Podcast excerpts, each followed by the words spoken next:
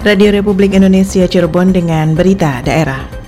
Perawe itu dihilangkan karena mengumpulkan massa buka bersama dengan anak yatim piatu dan kaum duafa itu ditiadakan karena nggak boleh mengumpulkan massa dengan adanya COVID-19 atau corona, pedagang-pedagang di pasar tradisional pendapatannya berkurang, apalagi diberlakukannya PSBB.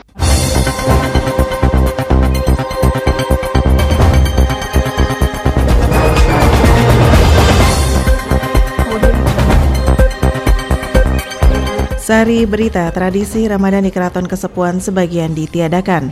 Omset pedagang di pasar tradisional menurun sejak diberlakukannya pembatasan jam operasional dan pemberlakuan PSBB.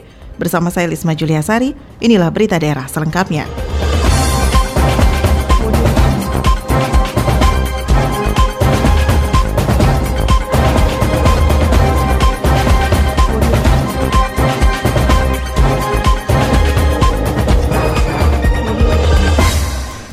Tradisi Ramadan di Keraton Kesepuan sebagian ditiadakan, selengkapnya dilaporkan Lengga Ferdiansyah.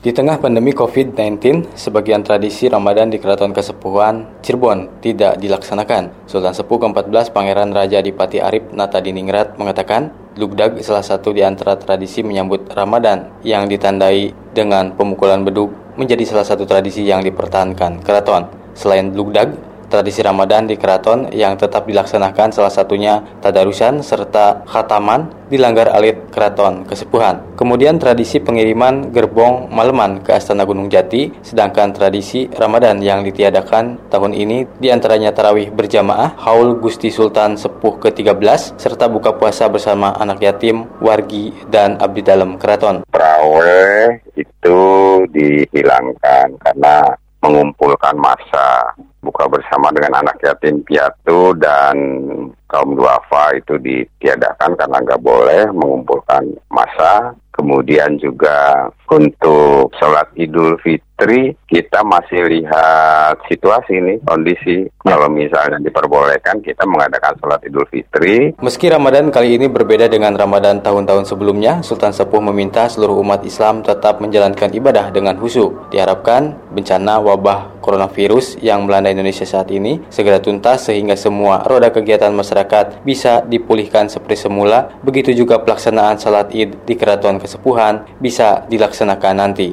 Lengga Ferdiansah melaporkan.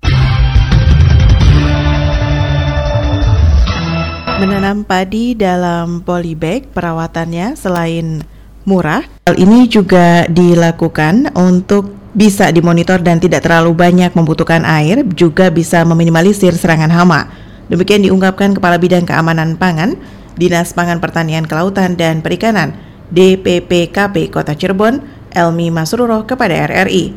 Dikatakannya, metode penanaman padi menggunakan polybag merupakan langkah positif menumbuhkan kesadaran budidaya bercocok tanam di perkotaan dengan lahan yang terbatas. Sistem tanam padi menggunakan polybag itu akan sangat cocok sekali diterapkan di secara urban farming ya untuk di perkotaan. Karena tidak membutuhkan lahan yang luas dan kalau biasanya kalau menanam padi di sawah itu kan skalanya harus hektaran ya. ya. Terus harus perlakuannya juga pengolahan tanahnya, udah nanti irigasinya itu juga kan membutuhkan tenaga dan juga biaya yang banyak. Tapi kalau dengan politik itu kan memang dengan hanya sempit pun bisa. Aktivitas perekonomian di Pelabuhan Cirebon berjalan seperti biasa dengan penyesuaian di sektor terutama mengenai prosedur keamanan dan kesehatan. Pengawasan keluar masuk baik barang maupun orang berjalan seperti biasa, namun lebih menitik beratkan pada orang yang keluar masuk terlebih dahulu diperiksa kondisi kesehatannya. Walaupun tidak ada kapal penumpang, di Pelabuhan Cirebon tetap bersandar sejumlah kapal-kapal komoditas dan kapal batubara dengan protap yang disesuaikan dengan peraturan Menteri Kesehatan dalam penanggulangan COVID-19. Kepala Kantor Kesyah Bandaran dan juga Otoritas Pelabuhan KSOP Kelas 2 Cirebon, Wismantoro mengatakan, kegiatan ekonomi di Pelabuhan Cirebon memang terdampak pandemi COVID-19 namun tidak terlalu signifikan. Ditambahkan, SOP standar keselamatan juga berlaku bagi anak buah kapal ABK, baik dalam negeri maupun kapal mancanegara, termasuk kapal asing dan domestik. untuk kapal asing tidak diperkenankan bersandar di pelabuhan, tapi berlabuh di jarak yang sudah ditentukan dari pelabuhan. Diakui, area pelabuhan kini tidak menyediakan tempat karantina khusus bagi ABK yang teridentifikasi COVID-19. Namun pihaknya membentuk tim terpadu untuk penanggulangan COVID-19 yang terdiri dari TNI dan Polri, Dinas Kesehatan, dan juga unsur lainnya. Omset pedagang di pasar tradisional menurun sejak adanya pembatasan jam operasional dan pemberlakuan PSBB. Alex Sunardi menurunkan laporannya. Sejak merebaknya pandemi COVID-19 di Indonesia termasuk di Cirebon, ditambah dengan pembatasan jam operasional pasar dan pemberlakuan pembatasan sosial berskala besar atau PSBB, omset pedagang di pasar tradisional menurun dibanding sebelumnya. Pedagang sembako di Pasar Minggu Palimanan, Kabupaten Cirebon, Aandrian kepada RRI mengaku sudah satu bulan terakhir omsetnya terus menurun dan semakin anjlok sejak diberlakukannya pembatasan jam operasional pasar dan PSBB. Ia menyebut pembatasan jam operasional yang hanya diperbolehkan sampai jam 12 siang menjadi salah satu penyebab menurunnya omset para pedagang di pasar tradisional. Dengan adanya COVID-19 atau corona, pedagang-pedagang di pasar tradisional pendapatannya berkurang, apalagi diberlakukannya PSBB. Kami berharap aturan yang diberlakukan buka jam 2.00 tutup jam 12.00 itu dihapus karena mempengaruhi juga pendapatan kami di pasar. Andrian berharap pemberlakuan jam operasional di pasar tradisional paling tidak bisa disamakan seperti swalayan atau minimarket yang diperbolehkan buka sampai jam 6 sore, sehingga ada waktu bagi masyarakat yang ingin belanja ke pasar tradisional. Alex Sunardi melaporkan. Gugus Tugas Percepatan Penanganan COVID-19 Kabupaten Indramayu memperketat lima pintu masuk ke kota Indramayu menyusul masih banyaknya pelanggaran yang dilakukan masyarakat saat diberlakukannya pembatasan sosial berskala besar. Kelima pintu masuk itu yaitu depan Koramel 1602 Sindang, Terminal Sindang, Pauman Perapatan Karangturi, Bundaran Kijang, Simpang 5 dan pintu masuk kelima dari arah Babadan Kecamatan Sindang di Jembatan Cimanuk. Kepada sejumlah wartawan, PLT Bupati Indramayu yang juga Ketua Tugas Gugus Tugas Percepatan Penanganan COVID-19 Kabupaten Indramayu, Taufik Hidayat menjelaskan, diperketatnya lima pintu masuk ini untuk memutus rantai penyebaran coronavirus dengan cara mengurangi pergerakan masyarakat dari dan ke kota Indramayu. Meski masih banyak pelanggaran, namun penerapan PSBB di Kabupaten Indramayu berjalan lancar. Melalui PSBB, pihaknya terus mengedukasi masyarakat untuk menerapkan protokol kesehatan COVID-19 seperti menggunakan masker ketika keluar rumah, menjaga kebersihan, sering cuci tangan dengan sabun pada air mengalir, rajin olahraga, dan melakukan PHBS. Omset pedagang musiman jajanan takjil Ramadan tahun ini mengalami penurunan hingga 50% akibat adanya pandemi COVID-19. Salah seorang pedagang musiman, Rini, biasa menjajakan makanan khas Ramadan di kawasan Jalan Fatahila, Desa Setu Kulon, dan di jalur Sumber mengatakan, di tahun-tahun sebelumnya, bisa menghabiskan 300 bungkus jajanan takjil khas Ramadan. Namun, tahun ini paling banyak mampu menjual setengahnya saja. Ia yang sudah 10 tahun berjualan jajanan khas Ramadan sangat merasakan dampaknya. Apalagi kawasan Jalan Fatahillah dari ujung sumber hingga pleret ditutup oleh pemerintah. Ia berharap penutupan jalan yang berujung penurunan omset ini bisa diberikan kelonggaran karena bukan hanya dirinya yang terdampak, tapi juga ada ratusan pedagang lain yang terdampak dan mengalami penurunan pendapatan. Saudara kini kita beralih ke berita olahraga.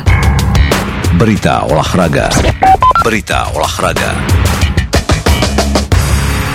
KONI Kota Cirebon mendukung keputusan KONI Jawa Barat tentang perubahan waktu kegiatan olahraga selama pandemi COVID-19. Selengkapnya dilaporkan Aji Satria. KONI Kota Cirebon akan mendukung penuh keputusan KONI Jawa Barat terkait perubahan waktu berbagai kegiatan olahraga selama masa pandemi virus corona atau COVID-19, baik untuk saat ini ataupun imbas ke depannya. Hal tersebut diungkapkan Ketua Umum KONI Kota Cirebon Hajahwati Musilawati usai melakukan kegiatan rapat virtual bersama KONI Jawa Barat melalui aplikasi Zoom Meeting di kantor KONI Kota Cirebon kemarin. Menurut Hajahwati, saat sekarang di mana kondisi terpengaruh akan wabah pandemi COVID COVID-19 membuat semua agenda kegiatan olahraga baik mulai yang utama yakni PON Papua hingga Porda Jawa Barat tahun 2022 di tiga wilayah yakni Tasikmalaya, KBB, dan Subang terkena imbasnya. Di samping itu juga berbagai pendanaan baik untuk pembangunan venue atau sarana olahraga untuk bertanding serta pendanaan lainnya untuk pembinaan atlet akan terpengaruh. Untuk itu, Hajahwati pun berharap besar ada keputusan yang tegas dan bijak akan seluruh agenda olahraga di wilayah Jawa Barat selama masa pandemi COVID-19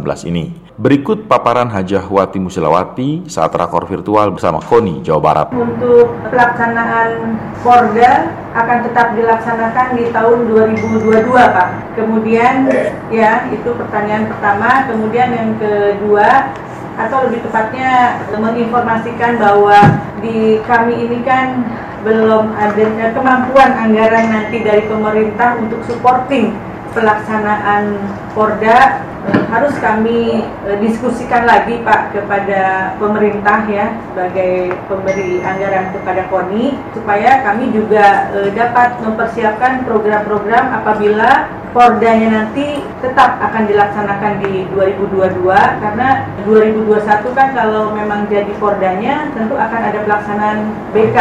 Nah jadi mohon barangkali bisa dipertimbangkan kembali apakah Porda ini apakah tetap akan dilaksanakan di, di 2022 dengan kondisi e, belum stabil untuk mensupport kegiatan-kegiatan e, olahraga. Lebih lanjut, Hajahwati juga menghimbau kepada seluruh insan olahraga kota Cirebon, terutama atlet dan pelatih untuk terus fokus melakukan program latihan mandiri di rumah maupun di tempat latihan yang telah disiapkan baik oleh cabang olahraga dan lainnya. Secara keseluruhan terkait keputusan berbagai macam jadwal kegiatan dan agenda olahraga di wilayah Jawa Barat akan diumumkan dalam waktu dekat usai KONI Jawa Barat melakukan rapat finalisasi dan agenda lainnya. Aji Satria melaporkan. Saudara, sekian berita daerah kali ini. Terima kasih untuk kebersamaannya. Selamat pagi, selamat menjalankan ibadah puasa untuk Anda yang menjalankannya. Sampai jumpa.